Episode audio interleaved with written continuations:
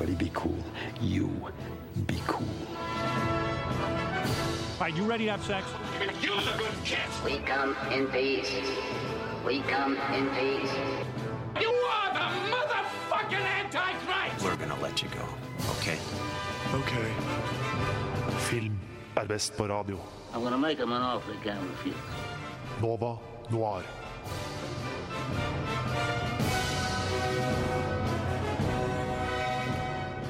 Hei, god dag. Så fint at du hører på Radio Nova, eller om du har lastet ned podkasten til Nova Noir, som du hører på akkurat nå.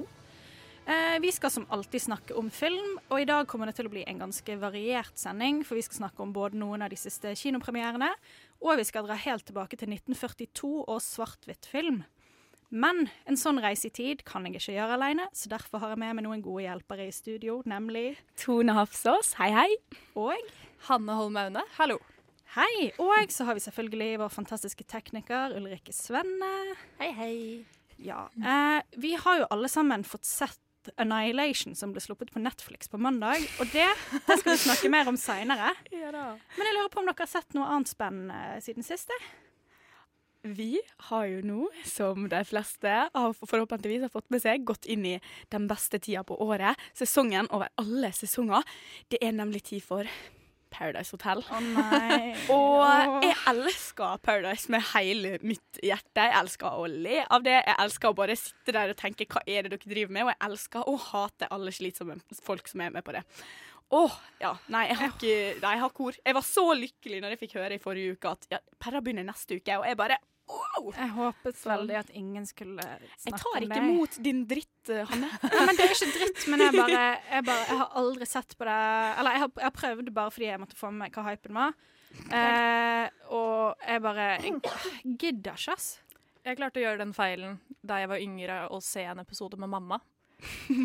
og siden det så var det litt ødelagt. Ja, når man er sånn 13-14, da er jo i hvert fall sånn ekstra flaut da. da. Altså, alt, de er jo, de, det er jo en gjeng med tullinger, men samtidig så tror jeg det er dritgøy å bare dra til Syden og få gratis mat og bade hele Altså, jeg kunne vært der og bare bada i mange uker, mens alle andre drev og spilte og hadde intrige, og jeg bare me, me, me, swinging around. Ja, jeg, men jeg vet ikke, Du hadde sikkert ikke fått lov til å være med, da. Det er jo disse er. Nei, det De vil jo ha sånne her kranglete, kjipe, dumme folk, virker det som. Det er jo en, Ja, ja, men, det er alltid sånn en eller annen fornuftig person som drar opp snittet litt, da, men det, Sånn det er jo mye tull. Men det er jo ikke, men det er jo ikke de smarte personene som får fokus i det hele tatt. Da. Det er jo de Nei, sånn utover så får man litt sånne favoritter, da, som får litt mer eh, Ja, ja. ja, vet du, Jeg gidder ikke snakke med Nei, nok Hva har du det, sett nok på, om det. eh, Hanna? eh, Det Altså, ja. NLA, NLA Klarer ikke å snakke. Annihilation. Den så jeg, men jeg så også for en liten stund siden The Cloverfield Paradox. Og den så jeg litt tilfeldig fordi den bare dukket opp på Netflix. Jeg visste jo ikke at det var en film i det hele tatt som var laget. Eh, Den var jo grusom. Jeg vet ikke, Dere har sikkert ikke sett den. Jeg viser jo dere et par klipp.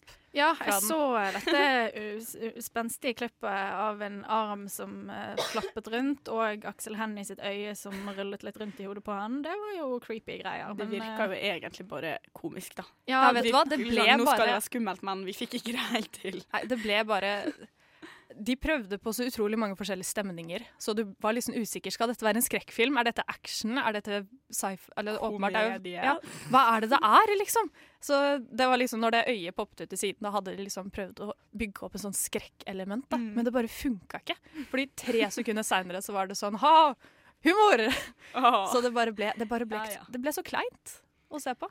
Ja, jeg ser den. Nei, det fristet ikke veldig å se den. Jeg har bare sett én av de forrige Cloverfield-filmene. Og da skulle jeg egentlig på kino og se noe annet, og så plutselig så gikk ikke den filmen eller noe sånt. Eh, fordi det ikke var noen andre som hadde kjøpt billetter. Og da var det sånn OK, da må vi bare gå på noe annet. Mm. Og gikk vi og så den, og jeg liker jo ikke skrekkfilm. Så Nei. den var ikke sånn superskrekk, men den var bare litt sånn øh, Jeg liker ikke ja. Mm. Altså, den, den første Cloverfield-filmen fikk jo mest oppmerksomhet fordi det var så mye liksom, Det var så mye spenstig rundt liksom, Og hva er dette monsteret som de liksom presenterte? Men uh, Ja, altså Det er jo kjent at det ikke er en sånn superbra film, da. Det heller. Ja, ser Mm. Nei, altså, jeg eh, I går så fikk vi jo nyheten om at Stephen Hawking døde. Så da eh, fant jeg ut at jeg ville se, se The Theory of Everything på nytt. Ja. For den er skikkelig fin. Har dere sett den? Nei, men jeg har kjempelyst til å se den. Ja, jeg òg. Ja, nei, den syns jeg var helt nydelig. Eh, og Eddie Redmayne er jo, som alle vet, helt fantastisk. Så det var fint å se den igjen, og litt trist og vemodig, liksom. Mm. Det, det er ikke Vi har ikke så mange folk som Stephen Hawking her på denne jorden. Nei. Nei. Det, så det er Sånn apropos Par Paradise og sånn. det, var, det var en ganske stor kontrast der. Stor kontrast. Herregud, tenk Stephen Hawking Nei, jo, Stephen Hawking på Paradise. Jeg hadde sett på. Du hadde sett på uansett, og jeg. Da hadde jeg også sett på. Ja, jeg tror det. Jeg tror det er noe sånt som må til for at jeg skal bli interessert. Nei, og så eh, det, er- Dette er veldig sånn urelatert til siden vi er et filmprogram, men jeg fant også ut av noe litt eh, trist i går, fordi jeg gikk rundt og kjente på at jeg savnet ny musikk fra et av favorittbandene mine. Og så, eh, For jeg var, har ikke fått noe nytt siden jeg var på konsert med de i sånn 2015. Og det er Dry the River heter de. Okay. Eh, og så fant jeg ut at de la opp rett etter typ, den konserten jeg var på. og det fant ikke jeg ut før i går. Oh, Så jeg ble skikkelig lei meg, men derfor tenkte jeg at jeg skulle ja, spille en sang av de nå, da, som er en av mine favoritter, og den heter Everlasting Light.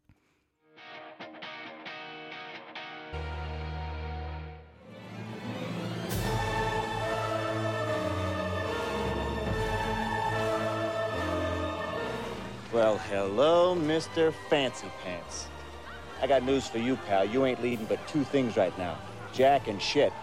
And Jack left town. Nova Noir gir deg ukas filmnyheter. Vi hørte altså nydelige Dry the River og Everlasting Light. Og nå skal vi snakke om noen nyheter. Har dere sett noen nye, kule greier eh, på filmfronten? Uh, ja. Jeg har sett én ting. Jeg kom over en overskrift som het 'Madonna is going to direct another movie'. Ja. Først, Another movie. ja, det var altså, min første tanke også. Har hun gjort det før? Hun hadde visst det, fordi senere i artikkelen så snakker de om eh, Ja, hun lagde For ti år siden lagde hun en film som het Filth and Wisdom, og så står det i parentes den var ikke så veldig bra. Og så står det og syv, for syv år siden så lagde hun W.I. Jeg vet ikke om de uttaler det som We eller bare WE, men det står også den var ikke så veldig bra, den heller. Så hun eh, skal i hvert fall få lov å gjøre det to ganger til, da. To ganger til? Mm. Ja, OK. Så selv om ikke det hun har gjort så langt var bra, så har folk troen på at hun kan gjøre noe bra? Altså, hun er jo generelt ei kul dame, men det er bare at det, det er jo ikke alle som kan bli regissør, da, tenker jeg. Men altså, vi kan jo gi henne la, hva det heter, la tvilen komme henne til gode, og vente og se hva vi får, men jeg vet ikke. Ja, jeg fikk litt lyst til å se de filmene som hun har lagd, bare for å få et lite inntrykk av uh, om Ja. hun får dette til i det hele tatt. Eh, Egentlig. siden vi ikke har hørt om noen av de filmene, så kan det jo hende at det er en grunn til det, da. Ja, Men så er de ti år gamle, da. Ja. Ja, nei, altså Jeg vet, vet ikke hva vi skal si. Det, det kan jo bli interessant. Mm. Det, altså, jeg tenkte jo med en gang, fordi at det, det skal jo komme en film om Madonna. Det hadde jo vært mye kulere hvis hun regisserte filmen om seg sjøl. Ja, det er faktisk det er sant. Det hadde jeg sett på. Ja. En slags sånn selvbiografifilm, da. Ja, Mm. Hadde ikke det vært litt kult? Jo. Jeg, vet ikke. Ja, for jeg tenker alltid Når jeg ser filmer som omhandler ekte personer, så lurer jeg alltid på hvor mye av det er ekte. Og jeg tror hvis hun hadde vært regissør, så hadde det nok vært ganske mye legit i den filmen. Men Ja, det blir det nok sant. uansett da når hun Eller liksom Hun får jo hatt en finger med i spillet, for hun er jo ikke død som halvparten av de andre det blir laga film om. Nei. Nei, nei, nei men Tone, har du eh, sett noe kult? Ja, jeg så noe provoserende. Eh, jeg har jo sett The Crown. Har dere sett det? Nei, jeg har ikke det. Den eh, Netflix-serien. Ja. Jeg har sett litt. Ja. Eh, jævla det kan hete Matt Smith, eh, som spiller prins Philip, fikk mer betalt i sesong én og sesong to enn Claire Foy, som spiller Queen Elizabeth. Det er faktisk helt sinnssykt. Bare fordi at han er liksom Doctor Who-kjendis, liksom, så fikk han mer betalt enn hun som har fuckings hovedrollen. Det gjør meg så sint, og det hadde aldri skjedd om det var motsatt. Det hadde aldri Mm, skjedd om det var hun som var. Dr. Who-kjendis, og han var Dette var en random person. Jeg vet ikke hvor mye hun har spilt i før, det skal ikke jeg ta på meg. og s- Nei, det, det er faktisk det, Ja, jeg skjønner at du blir sint. Jeg òg kjenner liksom det bobler litt. Sånn, jeg- altså, har de ikke lært ennå? Og hallo, hun er hovedrollen. Hun er den viktigste. Mm. Hun gjør, så vidt jeg har fått med meg, en veldig god jobb. Mm. Eh, så altså, øh, Hvorfor? Ja, det er helt latterlig. Men de har sagt at fra nå av skal de fikse det, og at eh, eh, ingen skal få betalt mer enn The Queen her, eh, herifra og ut. da. Men, Men- nå er det jo ikke Claire Foy lenger, for nå skal de hoppe i tid og få nye skuespillere eh, som er eldre. Og det også syns jeg var egentlig litt gøy, fordi jeg hadde ikke hørt hvem som skulle spille dem før i går. Og det er da altså Olivia Colman som skal spille eh, eh, Queen Elizabeth, og eh, Helena Bonham Carter skal spille Princess Margaret. Og jeg digger jo Helena Bonham Carter og har ingen forhold til hun der eh, Olivia Colman. Men det jeg syns var så utrolig teit, det var at jeg eh, gikk inn og så på bilder av hun Olivia Colman. Hun ligner veldig mye på hun som spiller Princess Margaret som ung. Og ah, ja. Helena Bonham Carter kunne jo på en måte gått litt mer for å være Claire Foy enn for hun andre. Så de spiller motsatt av det de ligner på. Er ikke det veldig rart? Det er jo litt upraktisk. Ja, det syns jeg òg. Det kunne de jo gjort noe med. Ja. Det er liksom sånn, ja, vi vet jo hvem de er, så vi kommer jo til å skjønne det, men det er bare sånn Det hadde vært mer inntrykksfullt motsatt, tenker jeg da. Mm. Ja, ja. Nei, men eh, jeg har jo leste noe i går som ikke er meganytt. Det ble vel på en måte, det kom vel ut i media for litt over en ukes tid siden. Men det var nytt for meg, og jeg ble veldig glad. Fordi at de som har hørt litt på oss i det siste, har fått med seg hvor høyt jeg elsker Call Me By Your Name. og det skal komme en oppfølger. Og, ja, og Army Hammer og Timothy Chalamet skal være med, og det skal være satt til tidlig 90-tall. Og jeg bare jeg er så spent. Shit, men den forrige, var den satt til 80-tallet en gang? Ja. Ja, for da blir det jo Å, kanskje jeg møtes igjen Ja. ti år siden. OK, sorry, det her er så klissete som det kan bli, men jeg gleder meg masse allerede, liksom. Ja, og så bare tenk Jeg sånn vil at de skal bli dritklissete. Ja, ja, og allerede på 80-tallet var det liksom hakket verre enn det var på 90-tallet igjen. 90-tallet begynte det jo på en måte å bli aksept for Ja. homofili, og liksom lettere og Og da kan han kvitte seg med hun jævla forloveren Ja, sin. Fuck off. og så bare Åh, det kan bli så nydelig, da. Ja. Og jeg bare Å, Men jeg er er så glad. Er det bekreftet at de følger samme Ja, de gjør vel det. At de tar den samme historieløpet, liksom. Altså, eh, tingen er jo at eh, eneren er jo basert på en bok. Ja. Og det er ikke en bok nummer to, men de snakker med eh, regissøren av filmen, Luca Guadagnino, snakker med forfatteren av den boken, som jeg ikke husker hva heter. uh, nei, kommer ikke på det.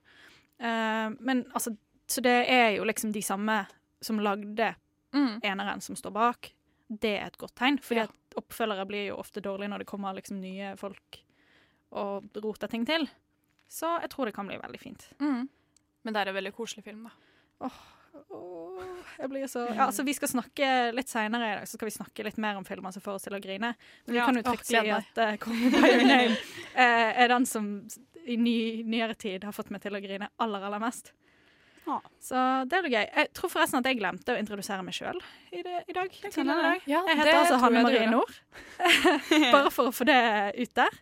Eh, og så tenker jeg at vi tar en liten eh, musikalsk pause med OK Kaja og Dance Like You. And that's the way the news goes. Nova Noir gir deg filmnytt og anmeldelser torsdager fra 10 til 12 på Radio Nova.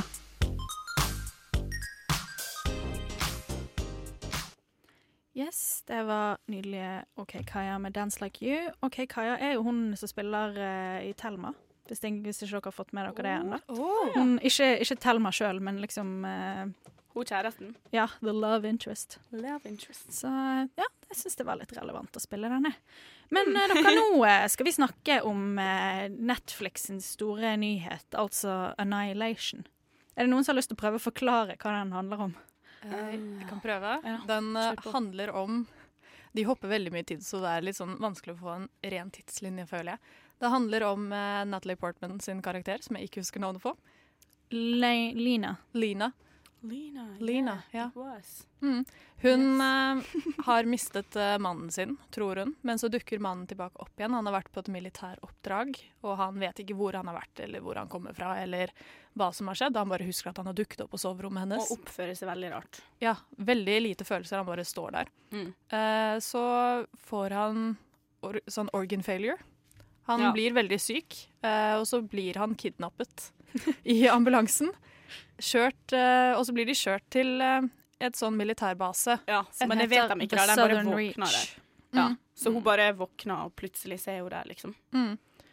Og der får hun beskjed om at ja, det er eh, noe som de kaller the shimmer, som går rundt et svært, svært område. De vet ikke hva det er. De tror det er utenomjordisk. Men alle som har gått inn, har forsvunnet. Unntatt én. Og da lurer vi på hvem det er. Dam, dam, dam. Veldig stort mysterium. Det er mannen hennes. Å, spoiler! Nei da, det var ikke en spoiler. Det er veldig logisk. logisk. Nei, men uh, Natalie Portman sin karakter, ja, hun blir veldig, veldig gira. Og er sånn, ja, hun bare jeg skal, jeg skal inn dit, jeg skal finne ut hva som har skjedd med mannen min. Så hun og tre andre damer drar inn i The Shimmer. Og Å, fire, glemmer- ja. Fire? Var det fire andre? Mm, Oh, ja. Ja, for det var jo sjefen, så tre randoms. Mm, ja. ja, sant det. Eller randoms, de var sikkert rent og fire, sånn.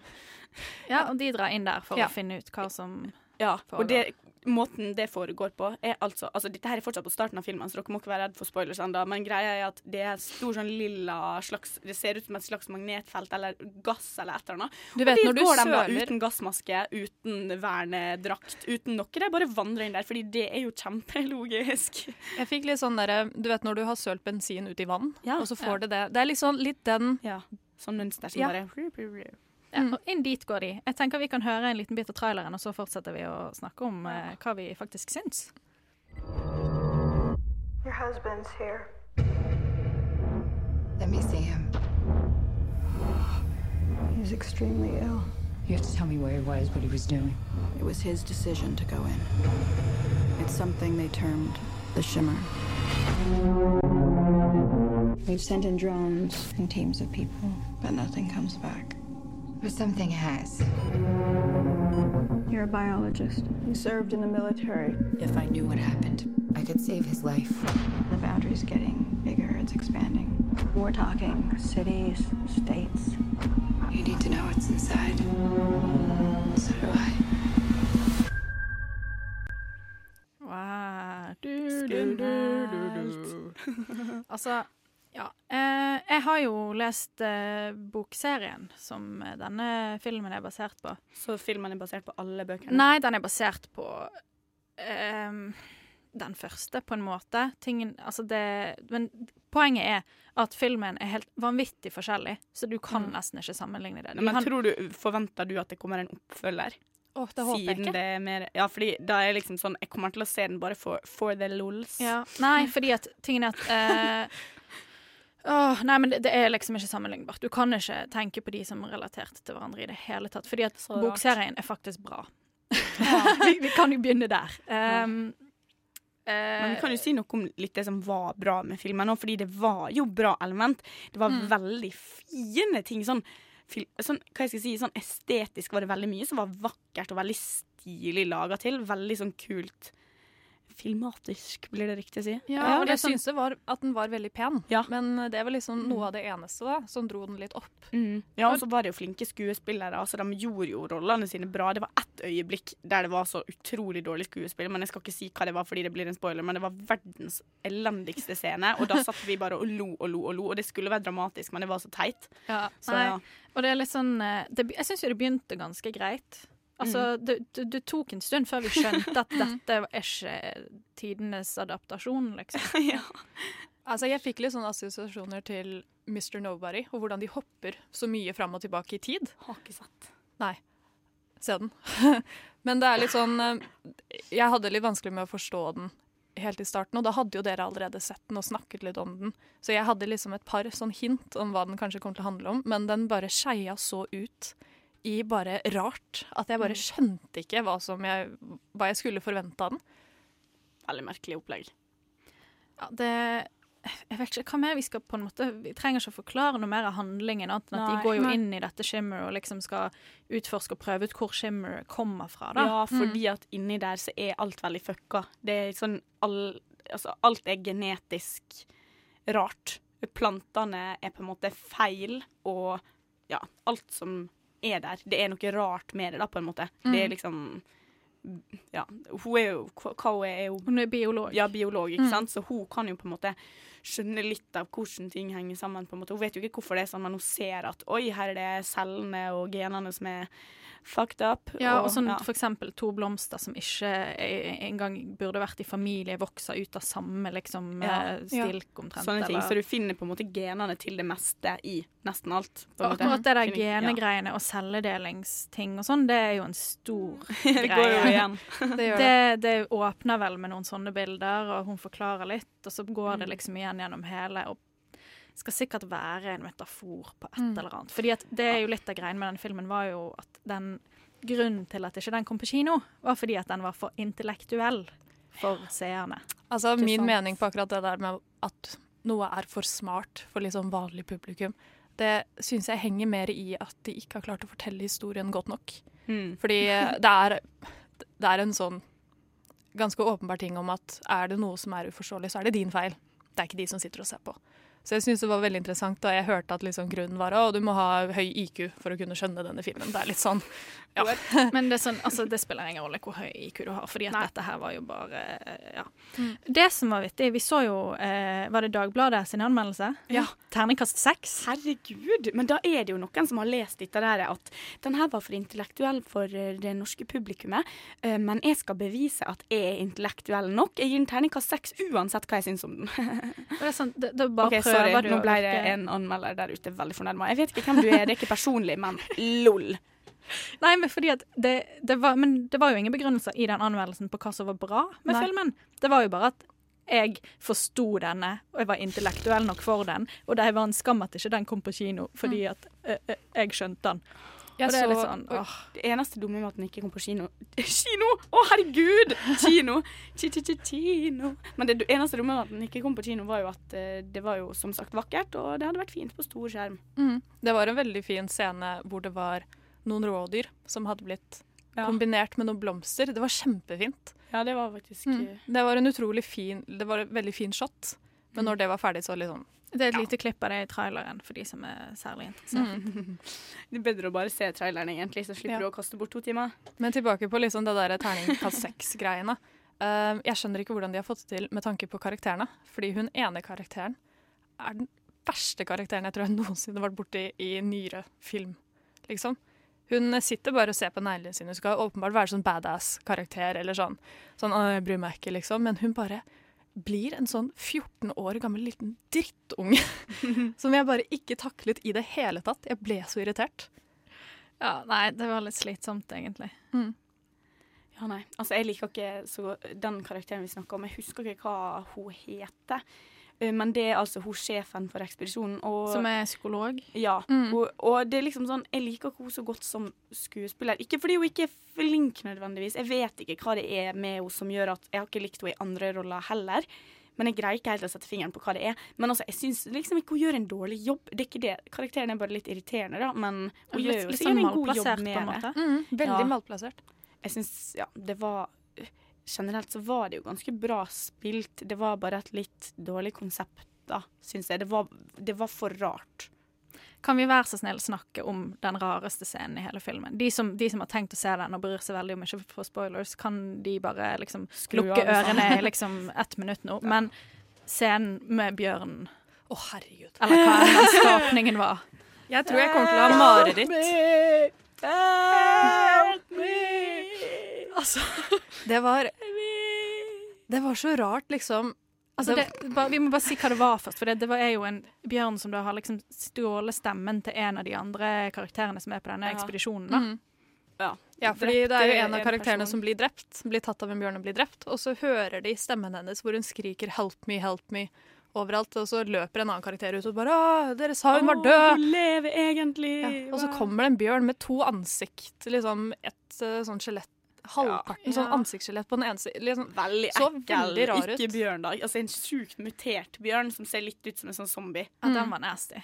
Ja. Og så har den stemmen hennes roper Den brøler sånn, Nei, det var mer som om den sånn, pustet på inn- og utpust. Så var det sånn Ja, og det var så fucka. Og det er liksom sånn hvor dramatisk den skulle være. Så vi klarte ikke å la være å le av det, fordi det var jo så Jeg så den alene, og jeg er redd for å få mareritt, så jeg satt der liksom i et teppe og bare æsj, æsj, æsj. Ja, nei, men for vi, meg og Tone og noen flere fra redaksjonen så den jo sammen. Og jeg tror det var litt sånn, Vi satt og liksom ventet på at noen skulle gi tegn til at det var lov å le. Fordi at det var bare sånn man følte at det var veldig dramatisk og veldig alvorlig, det som skjedde på skjermen. Det er jo liksom den skumleste scenen i hele filmen, og vi sitter der og bare liksom Nei, det ble, det ble for dumt. Og det er litt sånn jeg, jeg er ikke sånn som mener at vi må sammenligne bøkene filmer er basert på, med filmene. så veldig sånn, Og jeg forstår at man må ta andre grep for, å, for at bøker skal fungere som film. Men her klarte ikke de å ta med seg noe av det som var bra med boken, nesten, inn i filmen. Og på en måte de gikk så langt unna det som egentlig var greien med boken. Fordi de har på en måte laget et helt nytt plott? Når det blir sånn. Ja, og de har forandret på en del ting. For eksempel sånn så i, I bøkene så har ingen av karakterene navn. De heter bare biologen, psykologen Åh, og alt sånt. Men jeg skjønner at de gjør det i filmen for at det skal være litt lettere å Ja, huske ja. hvem de er. da. så det er sånne er grep sånn som jeg forstår. Ja. Men så er det bare en del sånne andre plotting. Den bjørnen var ikke med i boken. Det må jeg bare få sagt. Uh, og det er liksom Det er en helt annen de, det er bare, de gjør helt andre ting når de kommer inn der. Mm. Og på en måte og vi, sånn, Slutten er ikke med i det hele tatt på den måten. Og det bare Nei, det var bare Åh. Men det du sa om at de ikke hadde navn, jeg syns det var litt det samme i filmen også. Eller så er det bare jeg som er veldig dårlig på å liksom få med navnet. Men jeg følte ikke at navnet var så veldig viktig. Sånn, eller jeg, fikk, jeg ble litt irritert, for jeg fikk aldri med meg hvem de snakket om. Fordi Ja, det, når sant? hun ene ble tatt av Where's bjørnen Shepherd? Where's Shepherd? Og jeg bare, hvem var Shepherd? Ja, hun med jeg bare, hvem er det? Ja, for da var jeg sånn Vent, vent det var ikke Tuva Novotny, det, sant? Fordi hun Vi, vi heier jo på Ja, våre ja, ja. Scandi- fellow Tuva Novotny er jo min girl crush number one i hele verden. Hun er Åh! Ja, Ja, men så var jo hele den scenen mørk også. Så det var liksom Ja, ja. helt sånn, du satt Mm. der og bare Kan du bare si hvem Ja, som er borte? Ja, for når Natalie Portman, altså hovedrollen, når hun sto og brølte sånn eh, Ja, hun brølte liksom et navn, da, så trodde jeg det var hun hun ropte på. Fordi jeg syns de ligna, og det var mørkt. Hallo, det er helt umulig å se forskjell. Ja, jeg hadde null peiling hvem som hadde forsvunnet før liksom dagscenen kom etterpå. Nei, sant. Men eh, jeg tenker at jeg tror vi skal runde av dette, og så skal vi snakke mer om hva vi syns om at han ble sluppet rett på Netflix og sånn Mm. etterpå. Men hvis dere skulle gitt en karakter på en måte Vi hadde jo anmeldt denne ordentlig hvis det var en kinopremiere. Mm. Hva ville dere gitt fra én til ti? Det er veldig vanskelig, fordi jeg tenker litt sånn eh, Tre av ti på plott. Sju uh, av ti for Tuva Novotny. Fire uh, av ti fordi dere drepte henne så tidlig. Um, jeg tenker Fordi den var så pen, så drar det jo opp litt. det er Men det var så mange grusomme karakterer som jeg følte bare var så utrolig shallow. Så um, tre av ti, om jeg skal Fire av ti, da, om jeg skal Ja, være jeg snill. tror, jeg tror tre, rundt tre av fire Mm. av ti. Fordi at det var fint, men CGI-en var ikke så fin heller. Nei, den var liksom. Den var litt dårlig. Mm. Ja. Nei, uh, vi, vi Vi gir den en Ja. nei av ti, og bare går videre herifra. Det gjør vi.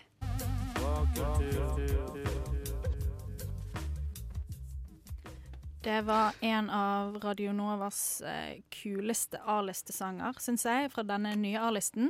Så det var Simon Alejandro Alejandro, jeg vet ikke, og Lars B med to ganger. Nå eh, kan vi komme til spørsmålet om hva vi syns om at filmer slippes rett på Netflix. For Annihilation skulle jo ble laget med tanke på kino. Og så var den visstnok for intellektuell, og det har jo vi sagt at den var ikke det. Men den var ikke så fryktelig bra at det gjorde noe, så akkurat. Så kanskje det var like greit at ikke vi brukte penger på å gå og se denne på kino. Ja, det syns jeg faktisk. Eh, den hadde jo gjort litt mer inntrykk, sånn det visuelle hadde gjort mer inntrykk på kino, så da kan det jo hende vi hadde vært litt rausere, kanskje. Men jeg tror egentlig ikke det, altså. For det er jo plottet som er det viktige, og jeg syns egentlig, selv om jeg ikke jeg vil ikke si at jeg hater den, eller noe, men jeg satt bare igjen med at eh, hva er det jeg har sett på, hvorfor? Og det er liksom ikke Ja, nå.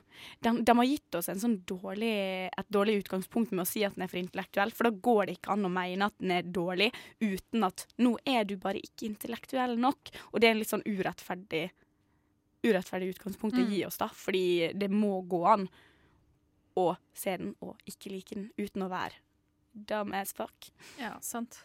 Men hva med å slippe Altså hvis vi ikke tenker på denne spesifikt, men hva syns dere om filmer som man ikke får sett på kino, men som bare dukker opp på Netflix, ofte Ja. ut av det blå? Jeg tenker at Det kan gjerne handle om to forskjellige ting. Enten så har de ikke troa på at den kommer til å gjøre det så bra på kino, sånn som The Cloverfield Paradox. Ja, den som bare JJ Abrams bare slappa navnet sitt på og sendte ut.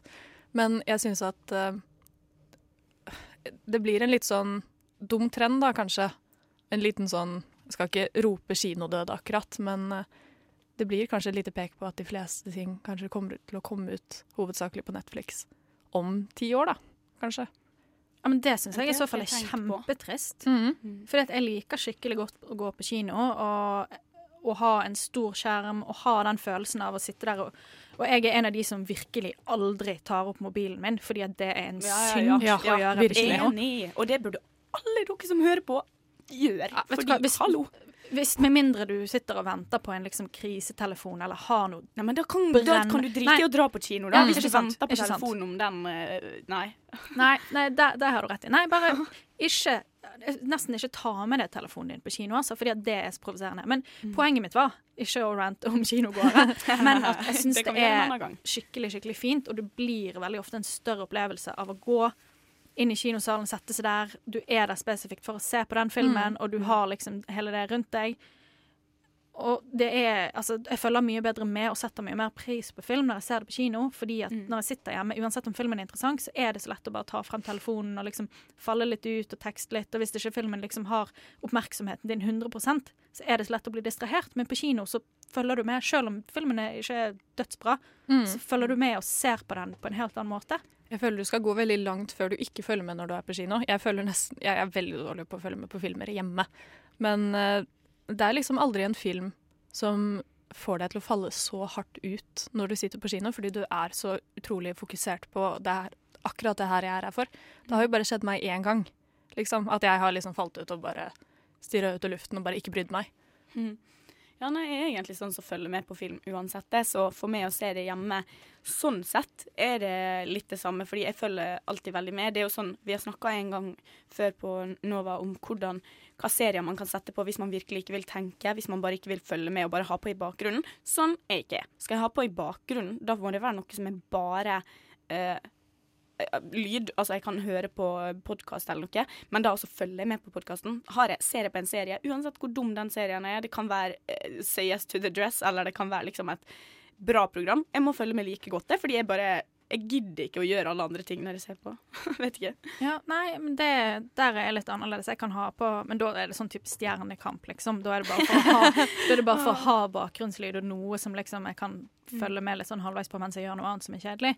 Men Nei, men jeg vet ikke. Jeg, jeg er litt redd for at Netflix skal få for stor makt, på en måte. Men jeg tror egentlig ikke Altså, jeg, jeg tror egentlig ikke det er et eh, problem som Altså det, er liksom ikke så mange filmer som går rett på Netflix. Det er, jo, det er jo nesten bare serier, på en måte. Og det er liksom Filmer vil jo ut på kino. De filmene som har lyst til å på en måte få et bredt publikum, de kommer jo på kino. Jeg tror det blir de, mest, de fleste. Og jeg tenker i hvert fall hvis de, de eneste eksemplene vi har kommet opp med nå, er Annihilation, som vi syns sugde, og denne der eh, Paradox eh, Hva det var? The Cloverfield Ja, ikke Paradox. sant? Som også bare virka som en parodi på en skrekkfilm. Da er det liksom, da er det greit for meg. De kan gå rett på Netflix. Så får jeg se dem gratis, og så kan jeg heller betale for det kvalitets... Ja, men er ikke det litt dårlig at de som lagde Annihilation, lagde den for kino? Jo, det er jo urettferdig, men den går vel på kino i andre land? Den har gått i USA. Ja, men, men veldig sånn eh, på bare noen få utvalgte kinoer. Ikke sånn all, Du kan ikke gå til din lokale kino og være garantert at den er der, så Nei. jeg har forstått. Jeg så et review av, eh, av filmen. da. Eh, Det var en amerikaner, amerikaner som hadde sett den på kino, og han snakket om hvordan han syntes at det var så bra at den var på kino. fordi når alle sammen kom ut, og det var veldig miks om folk likte den eller ikke, men når folk kom ut, så liksom stoppet de og liksom snakket med hverandre. da, Bare var sånn Ja, fremmed person, hva synes du om denne scenen, eller hva tenker du dette betyr? Og jeg tenker at vi gjør ikke det like mye i Norge, kanskje. Nei. Men eh, det er litt det der at du får jo et helt annet inntrykk av en film med en gang når du får god kvalitet da, på en stor Mhm. skjerm. TV-en min for eksempel er jo kjempedårlig. Så jeg fikk jo sikkert ikke sett alle de hvor fin den filmen faktisk er på, ja, i stua mi, da.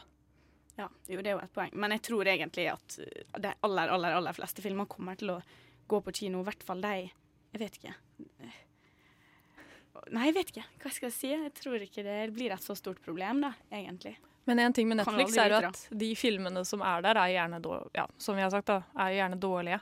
Så, men Netflix kjøper liksom alltid for hendene sine på.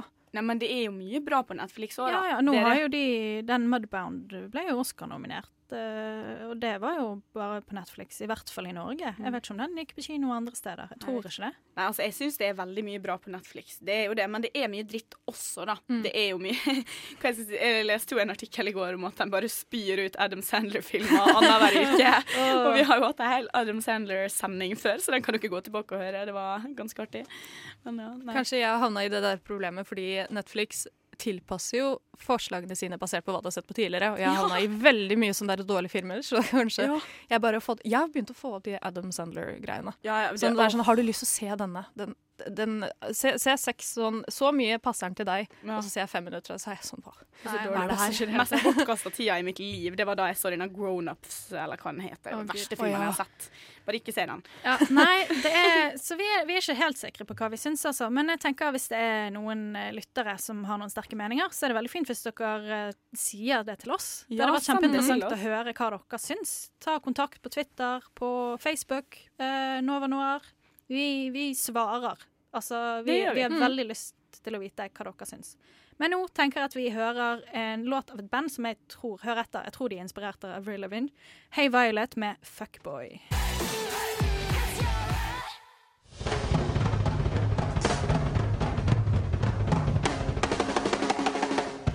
Nova Noir presenterer ukens kinopremierer.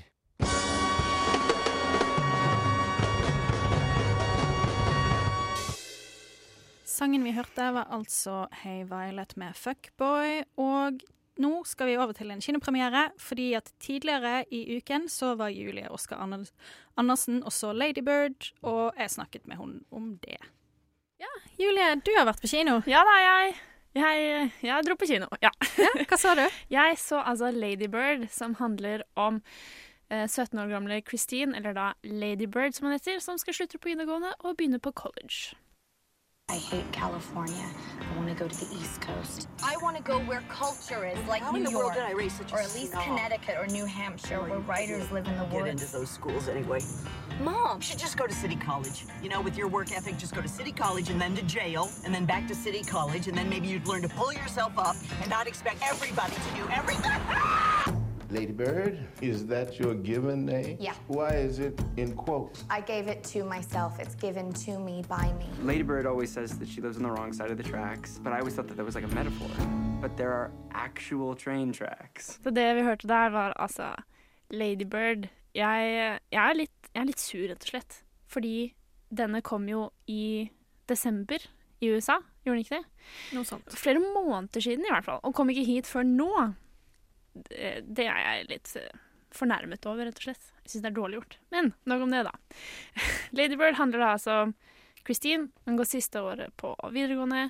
Hun sliter ikke, men eh, hun og moren krangler litt, men har et veldig, og har et veldig turbulent forhold, for de er ganske like. Litt likere enn hun kanskje skulle ønske. Eh, og filmen starter med at hun gjerne eller skal begynne i prosessen med å søke på college, hun har lyst til å komme seg vekk fra Sacramento, som er der hun bor, som er altså i Nord-California, som hun er ganske lei av, og det er liksom ikke Det er ikke San Francisco engang, ikke sant? Det er kjedelig, og det er ikke Hun vil dra dit kulturen er, da, så østkysten er liksom dit hun vil dra. Men det koster mye penger, og familien har ikke alle pengene i hele verden, så det er et problem, og så vil føler moren at jeg vet ikke helt hva hun føler, men hun, eh, hun vil ikke egentlig at Christine skal dra så langt, da. Hvilke mødre vil at døtrene ja, deres skal dra langt vekk? På andre siden av landet. Og hun føler vel litt at kanskje Christine avviser på en måte hele livet de har gitt henne, og eh, generelt det de har mulighet til å gi henne med tanke på finansiering og sånn. At hun drømmer litt for stort. At hun føler litt på det, men så kommer det ut feil, og så Ja, så deres forhold gjennom hele filmen vil jeg si er et hovedfokus. Men jeg vil likevel ikke si at det er, er hele filmen. For denne filmen er stappfull av fargerike, morsomme, interessante eh, bifigurer som virkelig beriker hele denne opplevelsen, og som også gjenskaper eh, Eller virkelig viser Ladybirds sosiale sirkel og krets og de menneskene hun forholder seg til på forskjellig måte. Ja, spennende. Ja. Det var en opplevelse. Eh, og så var det veldig fin fargebruk, og du kunne virkelig på en måte ta og kjenne på atmosfæren regissør Greta Gerwig prøvde å skape, eller fikk til å skape, vil jeg jo nesten påstå. Og det med å være ung og litt sånn retningsløs og tro, og vite, eller tro at du vet så utrolig mye mer enn det du egentlig vet, er eh, ganske gjennomgående karaktertrekk eh, hos Ladybird. Lady Bird. Ja. Som jeg føler at alle som har vært tenåringer, kan kjenne seg veldig igjen i. Fikk den deg til å grine? Mer enn én gang. Litt flaut å gjøre det på pressevisning, men ja ja. Kommer det, så kommer sånn det. det. Alle som har en mor, er Ja, det er mye å Eller en far òg. Eller venner. Eh, det er mange, mange fine situasjoner og triste situasjoner, men det er bare en film som gjør deg litt sånn trist glad. Får deg til å bli litt sånn ekstra glad i alle menneskene du har i livet ditt akkurat der og da. For du er litt tenker på din egen opplevelse og dine egne relasjoner, og gjerne foreldre også da, kanskje. Så jeg satt og følte veldig på det og liksom måtte snufse litt. Jeg vet ikke om alle de andre gjorde det, eller om det bare var meg. Men det var definitivt gråting. Så ikke ha på maskara. Skjønner. Eller heavy eyeliner. Det høres eh, Ja, det høres emosjonelt ut sånn generelt. Ja, det var det. Og hvordan de bare har fremstilt hele tenåringstilværelsen om å forelske seg, dog kanskje i feil gutt, eh, eller hva som er rett og riktig for en da, som tenåring, er gjerne noe annet enn det man tror eller det man ønsker selv. Og det jeg likte veldig godt, er at Lady Bird som karakter er veldig, er veldig selvsentrert. Og hun er jo hovedpersonen i filmen, men det handler jo ikke egentlig bare om henne. Det handler like mye om menneskene rundt henne.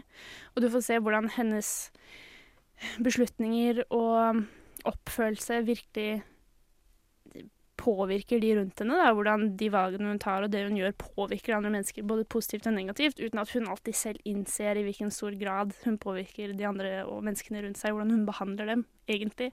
Og det flipper veldig, og det viser annet noen sånne krangler da, med moren som jeg syns viser veldig godt hvordan man har veldig lett for å si dumme ting, men som i grunn eh, med tiden egentlig blir ganske ubetydelig. Det er noen krangler du tenker liksom Oi, nå kommer de bare til å aldri bli venner igjen. Men så er man liksom Man er 17, da. Det man gjør da, betyr ikke egentlig så mye i det store og det hele. Og den viser det på en fin måte. Det, det høres veldig fint ut. Ja, det er noe alle burde gå og se. Så du skjønner hvorfor denne ble Oscar-nominert? Virkelig. Jeg skjønner kanskje ikke at den ikke vant, men sånn er nå det, da. Ok, Så du likte den så godt? Jeg likte den veldig godt. Uh, jeg tror vi er der at jeg kan røpe det. Og jeg vil si kanskje at uh, Lady Bird som karakter kan virke noe urealistisk til tider, men jeg fikk i hvert fall sympati for henne med en gang, og klarte å identifisere meg veldig sterkt med henne. Det hjelper kanskje at jeg har vært tenåringsjente selv, og at jeg har bodd i Nord-California. Dog ikke Sacramento, men at jeg kunne kjenne igjen litt. Det, jeg vet ikke om det har så mye å si sånn helhetlig, men jeg satte veldig pris på det, da. Ja, skjønner. Mm. Så alt i alt så vil jeg kanskje Nei, ikke kanskje, jeg er ganske sikker. Gi Ladybird eh, ti av ti, altså. Såpass? Ja, faktisk. OK. Jeg anbefaler virkelig at alle skal gå og se den. Eneste grunnen til at jeg var kanskje litt redd for å gi den ti av ti, er fordi eh, den blir overhypet, og da blir man skuffa hvis man ser den. Men jeg syns virkelig den er verdt det. Ny favorittfilm. Så fint. Jeg gleder meg skikkelig. Ja.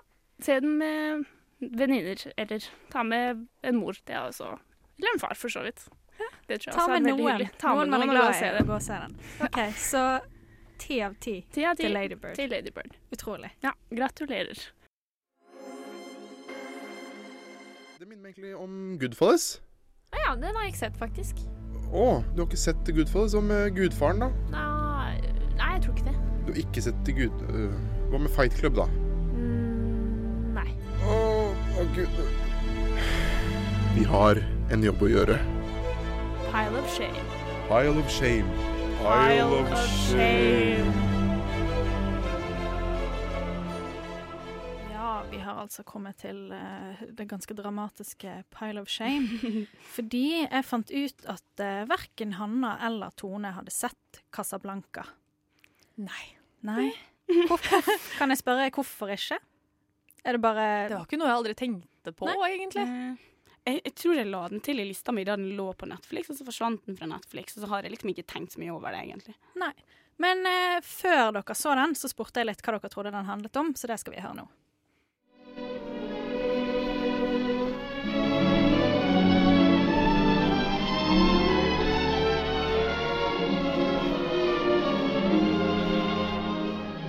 Casablanca er fra 1942, så hvilken type film tror dere at det er? En svart-hvitt.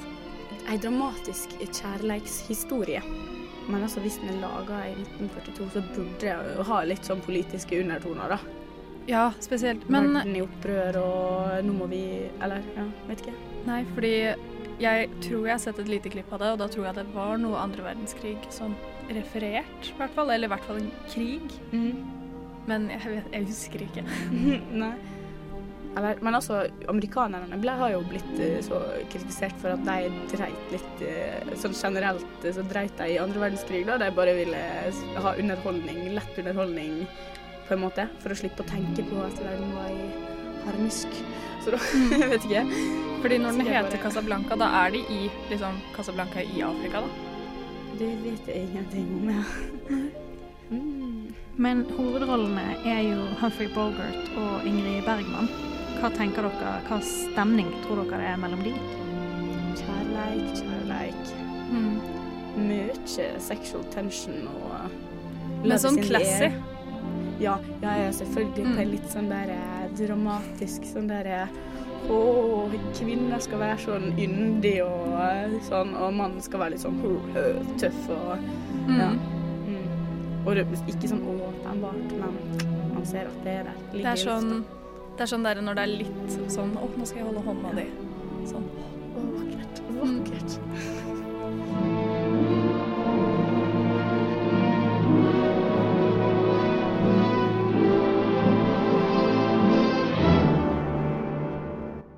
Altså, jeg syns dere var ganske flinke. Ja, syns jeg òg. Det var mye, mye som traff der. ja, det var det, altså. Politiske undertoner. Altså, det var mye politikk. Hæ? Men eh, ja, hva syns dere nå, da, når dere har sett den? Jeg skjønner hvorfor den er så populær og så berømt. For den var, det, den var veldig fin, liksom. Det var alle sånne quotes man har hørt i andre filmer som man ikke vet hvor kommer fra. Det kommer Ja. fra den filmen her, da. Here's oh. looking at you, kid. Ja. Også Men- denne derre Of all the bars in the world eller in the, Why bla, bla, She walks into mine. Og jeg bare Det har jeg hørt! Det har jeg hørt! Også den helt på slutten sånn I think this will be the start of a beautiful friendship. Og jeg bare Det er her! Det er her det kommer fra! ja. Så det er, det er jo mildt sagt en klassiker. Syns dere det var Ser dere ofte så Eller har dere sett mye sånn svart-hvitt-film før? Nei, Jeg må si jeg har vært veldig eh, dårlig på det. Jeg har sett uh, To Kill a Mockingbird, og så har jeg sett den derre eh, Å, herregud, jeg husker hva den heter engang, med Audrey Hepburn i Roma. Der hun er en sånn prinsesse som har Ja, den tror ikke jeg jeg har sett. Nei, men den var faktisk ganske Jeg likte den, Ja, altså. men jeg bare Altså, fordi at når jeg, jeg så den jo igjen også når vi fant ut at vi skulle snakke om den, fordi at jeg, har sett den kjempemange ganger og syns den er helt nydelig. Mm. Og jeg tenker liksom Du tenker over det de første par minuttene, tenker du å det var litt uvant med svart-hvitt, og så tenkte ikke jeg noe mer på det. Nei, det jeg syns var mest irriterende med Casablanca, var at eh, de snakker jo veldig sånn denne der gammeldagse aksenten som man gjerne hadde. Ja, Pluss den- at det var veldig mange folk med aksenter. For du har sånn Ja, disse der er åpenbart franske, disse er åpenbart tyske, disse er åpenbart uh, Ja, jeg vet ikke. Noe annet. Så det er liksom Det, det er veldig mange aksenter. Og jeg satt og spiste, og det var så mye som forsvant i tygginga mi. Det var bare sånn Hva er det dere sier? Jeg skulle ønske jeg hadde subtitles. Det kunne godt vært på engelsk, for det er ikke det som er problemet. Det var bare litt utydelig, det går veldig fort, og første halvdel av filmen så er det jævlig mange mennesker på skjermen hele Mm. Det er så mange at jeg Altså, filmen det var, Den varer 1 time og 40 minutter, som for øvrig er veldig, veldig mye kortere enn det jeg trodde om den, da, fordi gamle filmer er ofte dritlange. Men når vi hadde sett en hel time av den 1 time og 40 minutter, så huska jo jeg fortsatt ikke hva hovedpersonene het. Jeg huska han Rick og øh, sånn, liksom, men det var jo bare det navnet jeg huska. Alle de andre var sånn Ja, hvem det var igjen? Var det han med arr i panna, eller var det han andre? Det var liksom sånn. Ja. Ble litt overraska av navnet til eh, Ingrid Bergman. For jeg skjønte egentlig ikke helt hvor hun skulle være fra. Før hun sa at liksom, jeg kom til Paris fra Oslo, liksom. Jeg bare Skal du være norsk? Hva er navnet ditt? Jeg har aldri hørt navnet ditt. Nå skulle være norsk og et Ilsa. Det er liksom sånn Du kommer fra en gård i Sveits langt oppe i fjellet der du melker kyr. Da heter du Ilsa. Du heter Ja. ikke Ilsa i Norge. Jeg glemte litt vi kan kanskje dra gjennom eh, Eller bare en liten sånn handlingsbit Ja, en kjappholdnings... bare, bare for at uh, de som ikke har sett filmen, skjønner det. Det blir jo kanskje litt mer spoilers og sånn, men det, filmen er fra 1942, Ja, 1942, så det er greit å spoile denne her, egentlig. Men Ja. ja. er det en av dere som vil ta eh, Jeg tar det, du. Ja, OK. kjenner han best. Bare ja, ta det kjapt. Fordi at Uh, det som er litt spesielt, er jo at hovedpersonene ikke blir introdusert før et lite stykke ut i filmen. Mm. Men det handler jo i hvert fall om Rick, som har en uh, Café American, eller noe sånt, Ja. kaller de det, i Casablanca. Og eh, han eh, plutselig en dag så vandrer Ilsa Lund, altså Ingrid Bergman. eh, og Rick er jo spilt av Humphrey Bogart, legende. Eh, og eh, hennes eh, mann, eh, som heter Victor Laszlo, inn. og han er en sånn her eh, krigspioner. altså han er sånn imot krigen og har sånn Mm. undergrunnsbevegelser og sånn. Så de må komme seg vekk fra Casablanca. Eh, og Rick syns jo det, det er her dette of, of all the bars in all the world she walks into mine-greien Mm. kommer, fordi at han og Ilsa har jo selvfølgelig hatt en kjærlighetshistorie back in the days i Paris. Mm. Og nå kommer hun der, og de elsker hverandre fortsatt, og det er så vondt og vanskelig. Mm. Og så skal han hjelpe Victor og Ilsa å komme seg vekk, eller skal han være Ja, skal han følge ordre og holde det der? For det er jo noen som De ber jo han om å holde deg der, på en Mm. måte. Sånn, vi vet at du er litt sånn eh, At du er litt sånn sympatisk fyr, og at du kommer til å ha lyst til å hjelpe deg, men vær så snill, bare hold deg her, liksom. Ja, fordi at han får tak i noen sånne såkalte exit visas, da, eller Ja. de bare havner hos han på en litt sånn Ja. mystisk vis på starten og sånn. Ja, kompisen hans blir drept, gjør han ikke? Jo, kompis og kompis, Ja. men ja, han som pleier å, ja, han som pleier å hjelpe folk ut og selge de og tjene dødsmye penger på å hjelpe folk ut, han blir tatt fordi de ikke vil at han Victor Er det han som blir arrestert når han prøver å løpe ut? Ja, helt, ganske ja, så i starten. Ja, Mm. det, for det var sånne ting som jeg ikke fikk med meg. Det hadde ikke jeg hørt én hel replikk ennå. Jeg hadde bare hørt sånn eh, stykkvis av replikkene og bare Hva er det vi ser på? Ja, jeg skjønner. Men eh, ja, altså jeg har jo vært på en eh, seks timers lang forelesning hvor vi har gått gjennom hele filmen scene for scene. Med, Seks timer? Ja. Eh, med liksom en som er sånn en manuslegende, da, manusforfatterfyr som heter Robert McKee. Og var på tre dagers seminar, men han siste dagen var liksom stort sett dedikert til denne, fordi med, det er hans favorittfilm. Mm. Han er jo 70 something nå, så han er jo en gammel mann. Men eh, han har gode grunner til det også, da, og dette er liksom et godt eksempel på et godt manus.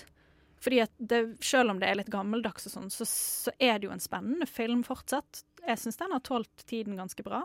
Ja, det ble jeg positivt overraska over. Mest var at den er morsom òg. Og det Ja. hadde jeg absolutt ikke forventa, fordi jeg trodde det var bare kliss og kjærleik og drama. Men det er faktisk noen skikkelig morsomme moments. Sånn som da det sitter et ektepar som sitter og snakker om at de skal flytte til Amerika, og snakker litt sånn Ja. gebrokken engelsk. Og så sier, til, nei, så sier han til kona si da sånn What watch? Og hun svarer Ten watch. Han sier such much? Og det er bare sånn, det er så morsomt, for da sier han andre sånn Ja, dere kommer til å klare dere kjempebra i Amerika. Og det er bare sånn åh. Ja, nei, jeg synes det, den er så fin. Og så nå, nå kommer jeg til slutten, så hvis det er noen som, ikke, som har tenkt å se den, og sånn, så igjen, lukk ørene litt. Men det er jo en helt ikonisk sluttscene. Mm. Eh, og liksom Slippe sitt livs kjærleik. Ja, og det er det som var Etter at jeg hadde vært på denne her konferansen som var sånn sykt intensiv, altså det var liksom åtte-ni timer forelesninger hver dag med denne her gamle mannen som bare står og liksom prater og prater, og så brukte så lang tid på denne, så gir han da en sånn livs...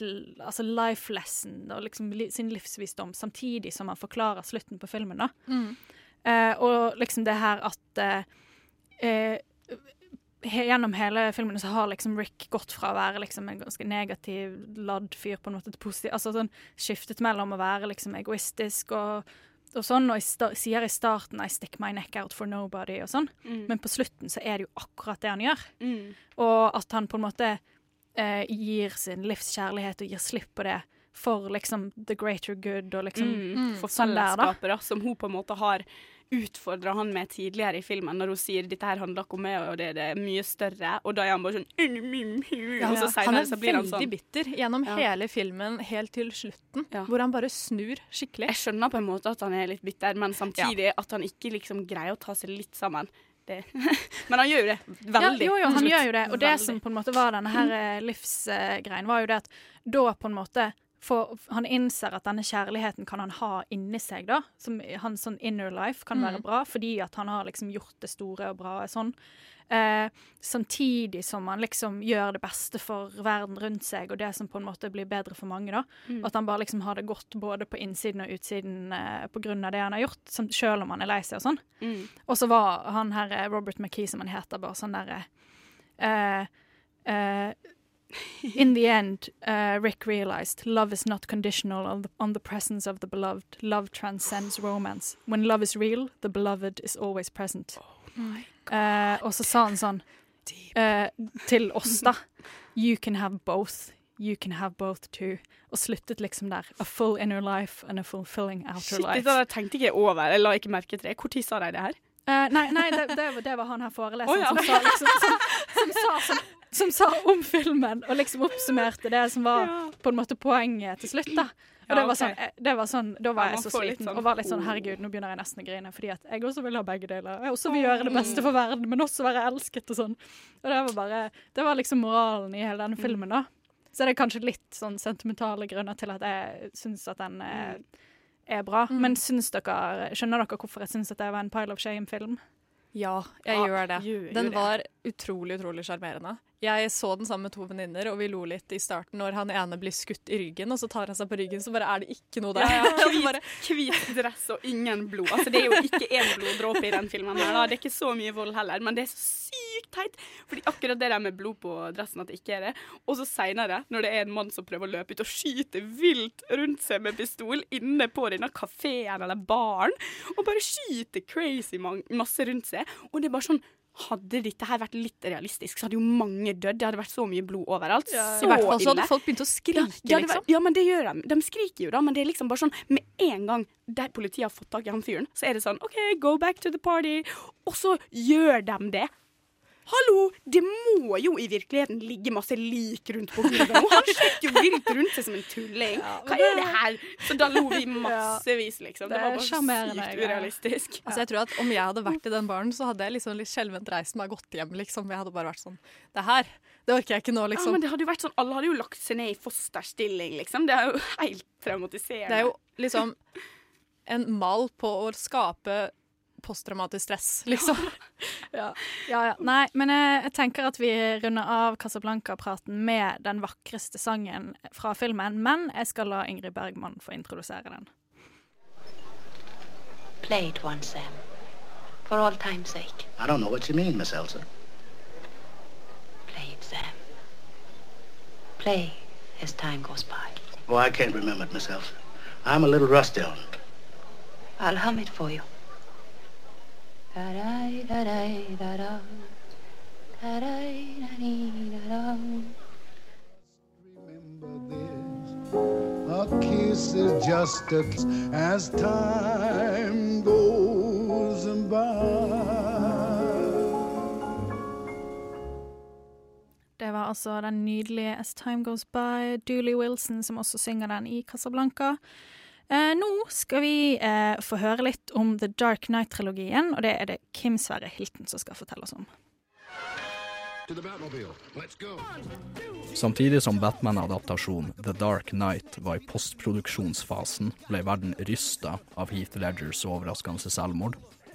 22.1 i år markerte ti år siden skuespilleren returnerte til essensen. Nå, En prat om mannen sjøl ville vært mer trendy den datoen, så i dag skal undertegnede heller snakke om filmserien hvis suksess hans tolkning av The Joker spilte en stor rolle i. Mer spesifikt skal vi snakke om hele The Dark Knight-trilogien, og hvorfor den på mange måter er en klassiker blant superheltfilmer.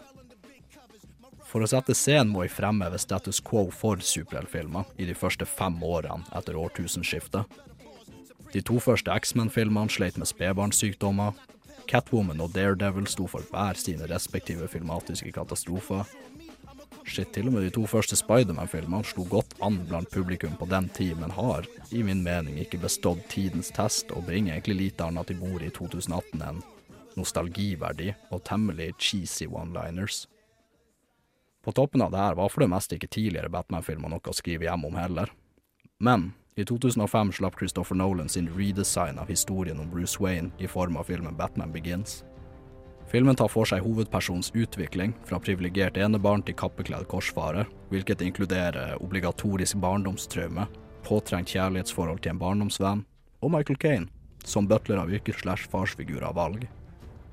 Nolans visjon om en quote-unquote realistisk superheltfilm krevde midler som var noe utradisjonelle for superheltfilmer vi har sett tidligere. Frykt som et sentralt tema i filmen ga publikum en hovedperson som var engasjerende og inspirerende, både med og uten maske. Kanskje til og med realistisk også, i den grad en superheltfilm om en mann i flaggermuskostyme som banker kriminelle etter leggetid kan være. Et annet virkemiddel for å oppnå denne pseudorealismen var å sky unna CGI, og benytte seg av manuelle effekter der det lot seg gjøre. Batman Begins sin kommersielle og kritiske suksess ble overgått av oppfølgerne The Dark Knight og The Dark Knight Rises i årene som fulgte. Oppfølgerne føltes friske i den forstand at de brakte noe annerledes problemstillinger på bordet, men samtidig tviholdt på den mørke og realistiske stemninga og tematikken som ble etablert av forløperen. I ettertid har superheltfilmsjangeren virkelig tatt seg sammen. Spesielt har Marvel og dets cinematiske univers vist seg å være en enorm suksess kritikermessig, publikumsmessig og sparegrismessig. DC har prøvd å ta igjen Marvel med sitt eget cinematiske univers, som på mange måter er bygd på grunnlaget som ble lagt av Batman Begins. Nå det her har mildt sagt vært med varierende resultater, men det er tema for en annen gang. Uttrykket klassiker er veldig sammensatt, og det er mange faktorer som bidrar til en sånn her status, for ikke å snakke om at alle vektlegger de forskjellige faktorene ulikt. Personlig ser undertegnede spesielt på kulturell påvirkning og hvordan en film står gjennom tidens test.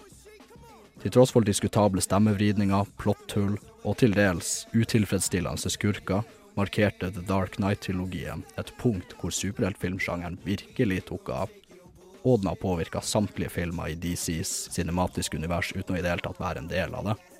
På toppen av det her så brakte også trilogien en av vår tids mest minnerike skurketolkninger i form av Heath Ledgers The Joker, noe som i min bok er legendarisk nok i seg sjøl.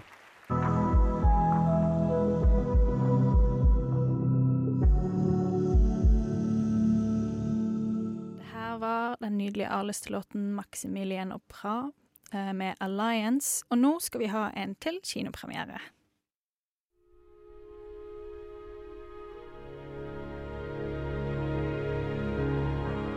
Nova Noir presenterer ukas kinopremierer. Hei, Ina. Hei. Du eh, skal anmelde en film for oss, du. Det skal jeg. Jeg har sett uh, 'Loving Vincent'. Verdens første animasjonsfilm laget med bare oljemaleri, eller oljemaling.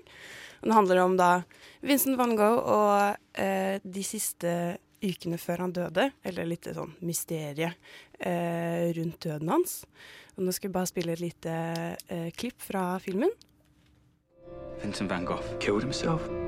How does a man go from calm to suicidal in six weeks? Vincent left this letter. Theo Van Gogh. That's Vincent's brother, isn't it? We all knew something was very wrong. Vincent!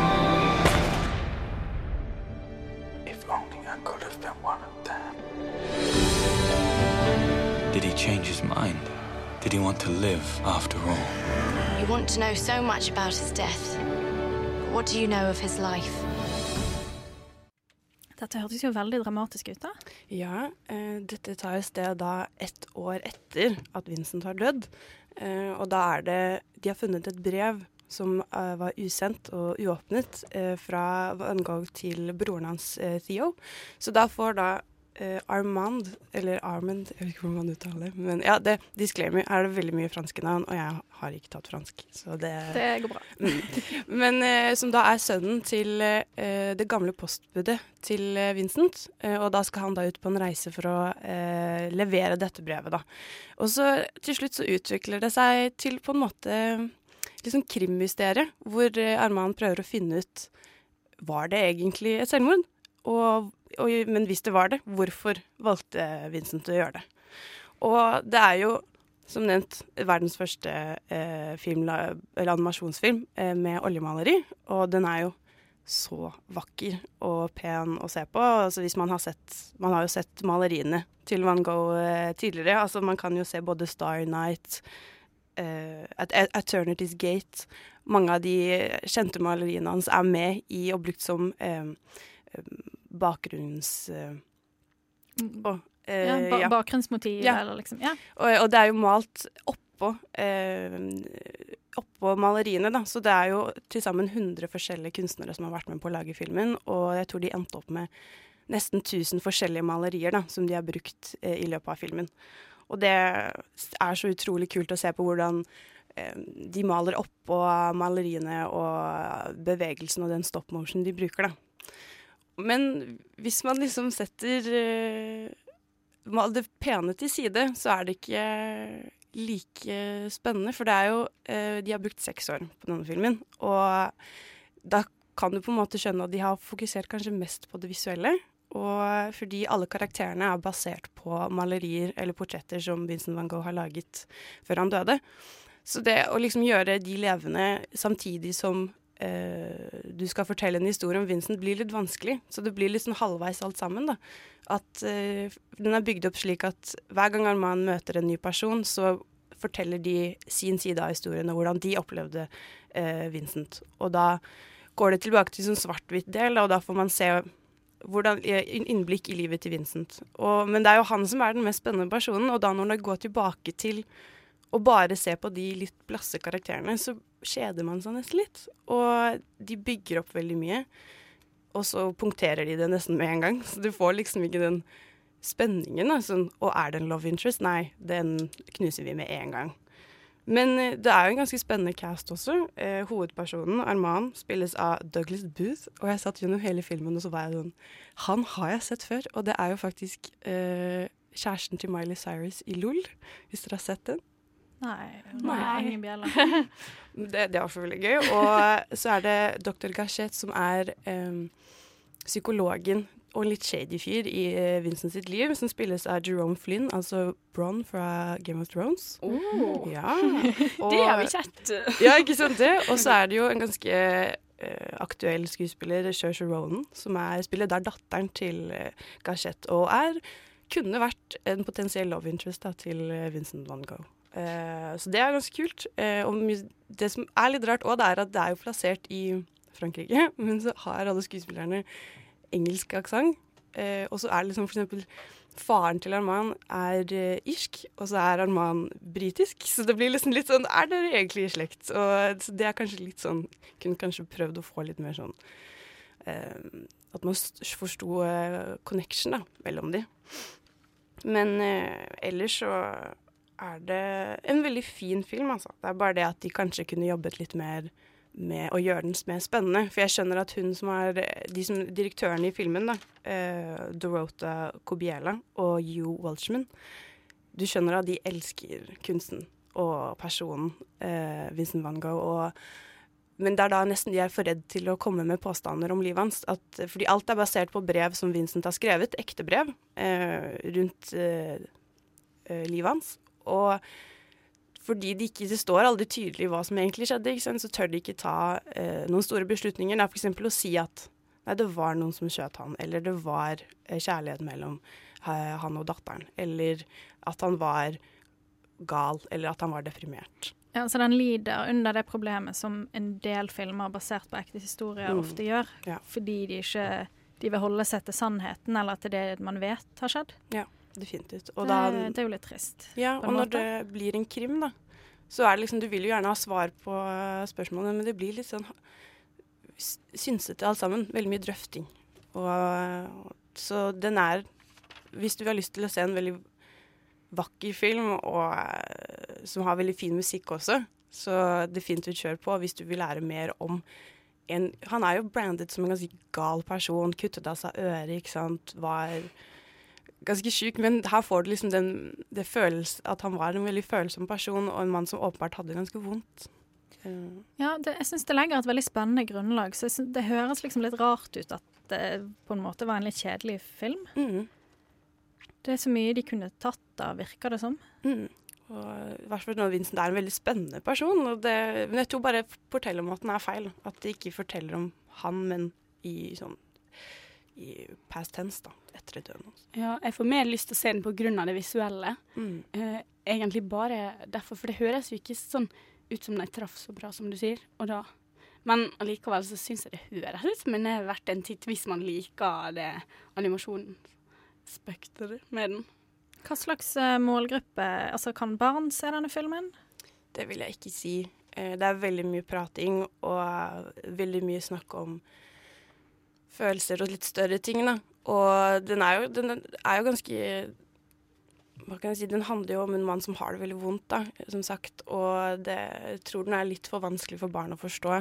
Men jeg vil ikke si at altså, hvis du er la oss si som 14-15 og er veldig interessert i eh, Vincent som person, eller bare kunst. Og det er jo en viktig film, som sagt, det med at det er verdens første animasjonsfilm med oljemaleri, eller oljemaling. Det er, så jeg føler alle kan se den så lenge man er litt interessert også. Ja, skjønner. Nei, men hva blir den samlede vurderingen? Jeg syns det var skikkelig vanskelig, fordi som sagt, den er veldig pen, men så er det litt kjedelig historie. Eh, Så, men den er kun på grunn visuelle, da, så er den verdt å se. Så jeg lander på en eh, rolig seks av ti. OK, så seks av ti til Loving Vincent. Eh, tusen takk, Ina. Ja, bare hyggelig. Nå skal vi eh, høre en sang som er skrevet av en islandsk fyr, som også har laget en del musikk til TV-serier. Blant annet har han komponert soundtracket til Broadchurch, hvis noen har sett det. Å, jeg elsker Broadchurch. Han heter Olafur Arnalds, og han har med seg Arno Dan på den nydelige låten 'Reclaim'.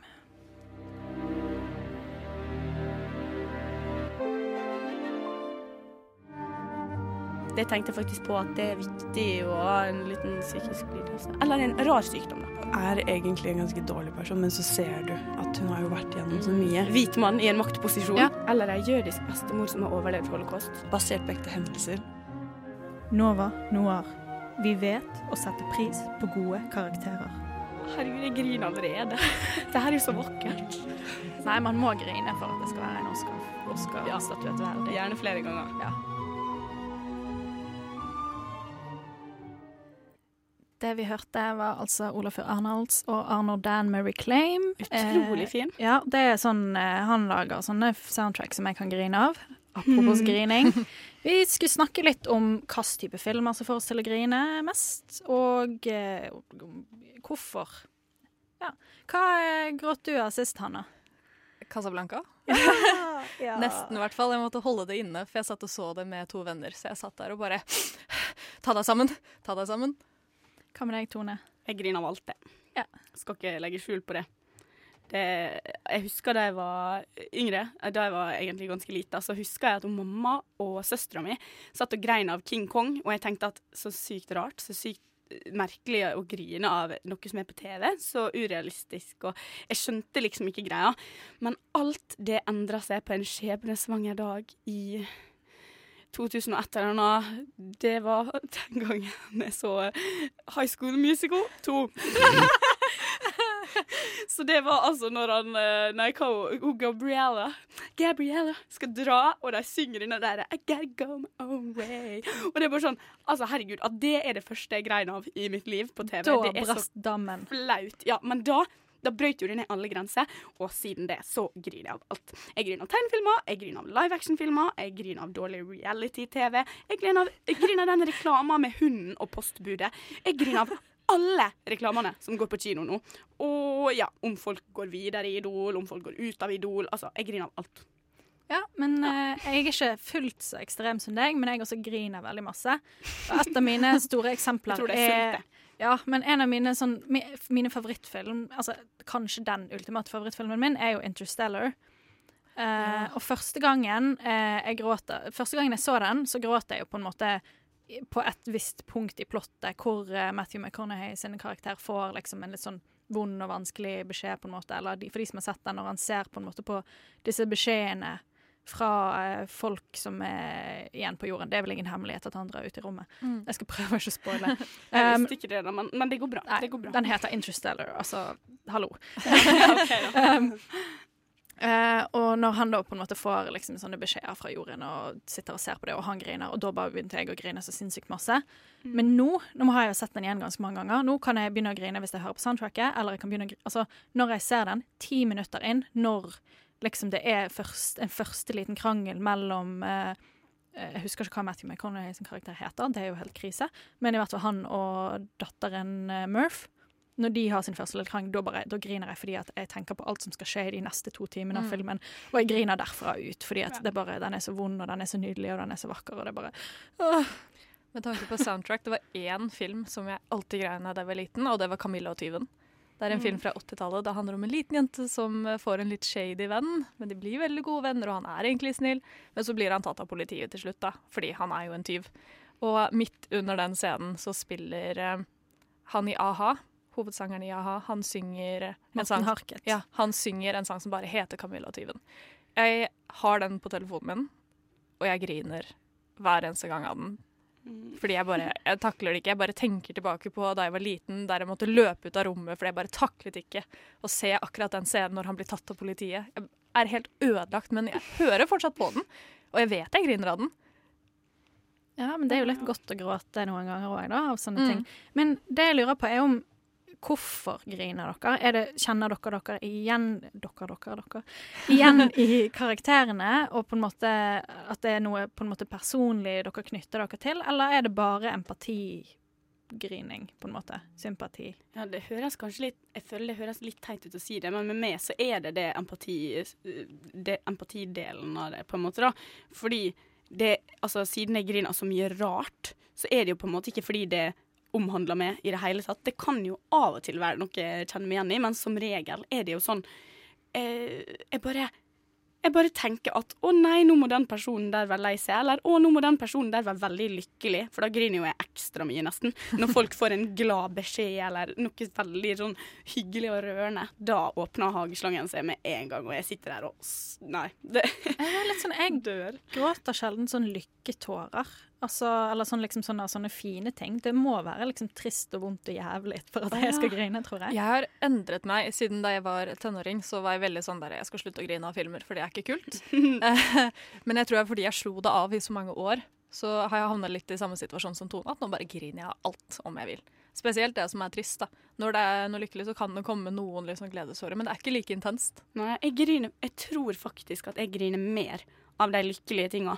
Jeg kan selvfølgelig grine mye av det som er trist, men det som er rørende, er det verste. Jeg er så lettrørt. Det er bare sånn Det er så mange ganger der det bare skjer en sånn liten ting, der du ser at en person setter veldig pris på noe. Da Altså, er jo sånn Er en person som griner hvis en venn av meg forteller at noe veldig fint har skjedd med dem, så blir det sånn Åh! For jeg blir liksom glad på deres vegne. Og det blir bare sånn Jeg trenger ikke å grine mye, men jeg får tårer i øynene, og jeg blir helt sånn «Å, du er Så bra, liksom. Og det er helt sykt teit, egentlig. Jeg skulle ønske jeg bare kunne være litt mer cool, men Nei, så ikke så Nei, altså, jeg vet ikke. Jeg tror det bare er det triste tingene som treffer meg. Og det er sånn, Den filmen jeg husker å på en måte ha grått mest av, sånn kraftigst av, det var The Perks of Being a Wallflower. Den leste jeg jo boken, og det er, det er på en måte, den filmen er nesten en perfekt adaptasjon. Det er den beste sånn, filmversjonen av en bok jeg noen gang har sett. Og den er, for de som kjenner den historien, så er den jo ganske trist. Det er Logan Lerman spiller en gutt som liksom virkelig ikke passer inn, og har liksom noen mørke ting i fortiden som man etter hvert får vite om, da. Mm, Og det ja, er på en måte en det er det trist kjærlighetshistorie også. Og den bare, den er så vond, og Logan Lerman som bare Hvorfor, han hvorfor ikke han bare sånn forresten? Fordi at han er dødsflink. Mm. Eh, og jeg bare, det bare, den knuste hjertet mitt så mye at jeg bare Mm. virkelig sånn hulket klarte ikke å stanse det. Sånn, det fakt, fordi at du griner jo stort sett lydløst når du sitter på kino, Mm, eller ja. noe sånt. Men jeg klarte ikke. Det var sånn Ja. Og det fortsatte i en halvtime etter filmen. Å, jeg gikk rundt i Bergen sentrum og bare Det er så fint å få det! Å nei, og tenk alle folka som gikk forbi, trodde jo sikkert du hadde gått gjennom den største krisa i ditt liv. Og du bare Nei, jeg var på kino da, Ja, den, den, det var både fordi at den var så vond, men også nydelig og vakker. Jeg tror Mm. kanskje kombinasjonen at det må- både være trist og fint. Da Mm. kan jeg grine, men ikke Ja. bare hvis det er fint. Mm. Men den traff noe så Ja. dypt inni meg at det var bare Ja. Jeg så The Perks of Being a Wallflower da jeg gikk på videregående, og den slet jeg med fordi jeg var fremdeles litt til den der 'jeg skal ikke grine av filmer'. Man er ikke kul, spesielt ikke når man sitter i en klasse full av liksom medelever, og så sitter noen og liksom har et par tårer, og jeg er bare sånn der om jeg, om jeg lar det komme nå, så bare, bare blir det en dam her, liksom. Det kommer Mm. ikke til å gå bra. Så jeg satt bakerst i klassen sånn med armene i kors og bare Ikke grin, ikke grin, ikke grin. Og så satt jeg der fem minutter etterpå bare Nei, jeg kommer snart. Så satt jeg der bare Ta Måtte sammen. samle det, liksom. Ja. ja, men det er ille når det er sånn. Jeg husker Uh, jeg så den filmen Jeg husker ikke hva, hva, nei, hva regissøren heter, men jo, O- Olin Er det Mar Margrethe Olin. Ja. ja hun eh, har regissert den derre 'Engelen'. Og den filmen har jeg sett to ganger, og første gang jeg så den, så så jeg den på et litt sånt tidspunkt der noen jeg kjente hadde det litt vondt. Og da, fordi jeg på en måte følte at noe i den filmen passa litt til den vennen min, da, så ble jeg så lei meg av den filmen.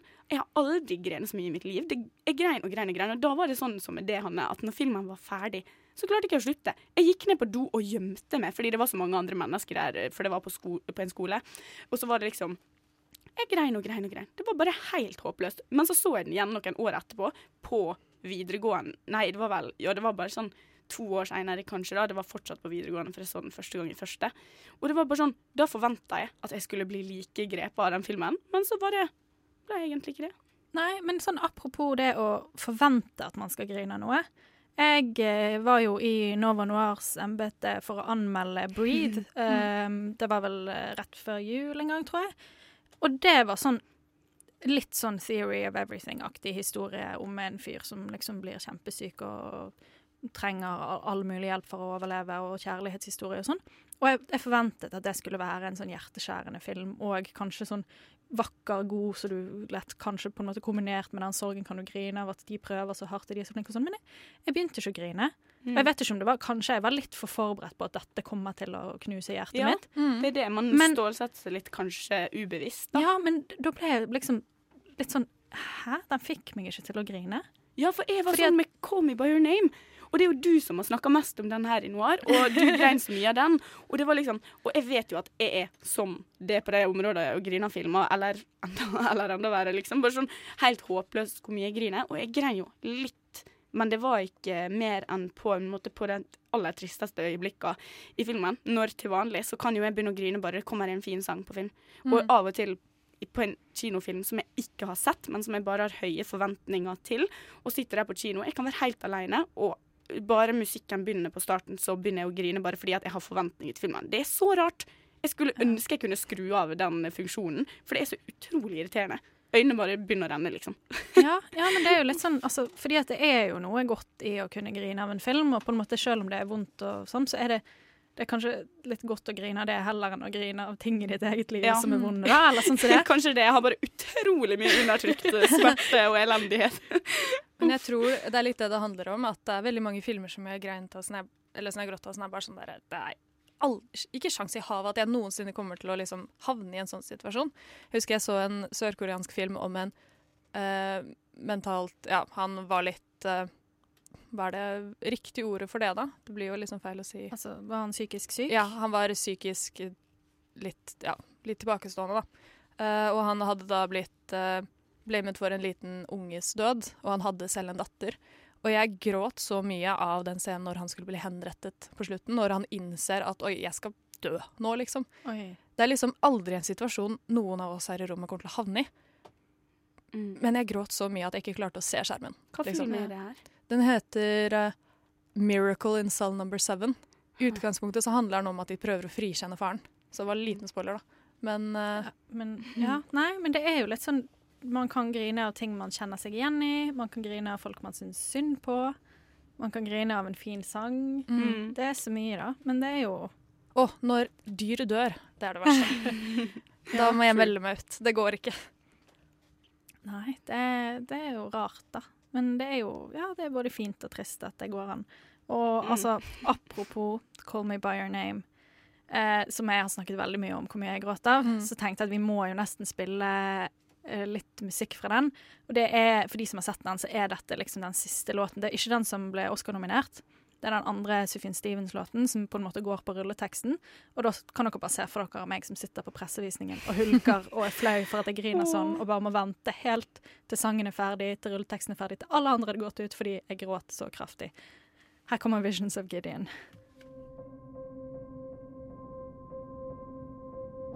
Is it a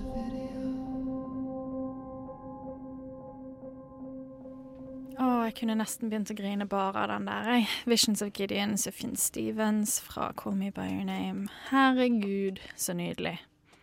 Men eh, vi har eh, For en sending det har vært. Det har vært veldig variert. Alt fra grinefilm til eh, 'Annihilation', som jeg tror du skal være ganske spesiell for å grine av. um, og eh, altså eh, Ja. Eh, Julie Oskar Andersen ga ti av ti til 'Ladybird'. Ina Sletten ga seks av ti til 'Loving Vincent'. Og vi har snakket om Casablanca. Hva, hva syns dere om dette spennet på sendinger? Jeg syns det var veldig spennende. Nei, spennet på sendinger. Spennet på filmer vi har snakket om i sendingen. Jeg syns det er veldig gøy. Det er eh, spesielt for første sending. Ja. Så får man liksom Ja. prøvd ut veldig mye forskjellig. Men jeg syns det er gøy. Det kan kanskje bli litt, uh, litt bindende å bare ha ett tema, tema, ja. tidvis. Mm. Ja, jeg liker også godt å kunne hoppe litt fra sted til sted når man snakker om noe, fordi det går Det er utrolig stor forskjell på Casablanca og Annihilation. Det er liksom så stor forskjell som du kan få, da. Ja. Så det Det er jo litt gøy òg, da, at vi kan se på på en måte en sånn klassiker, en sånn stor historisk film. Mm. Og så syns jo jeg syns jo den er milevis bedre enn Annihilation. Ja, Selv om virkelig. Annihilation på mange måter er vakrere å se på og sånn.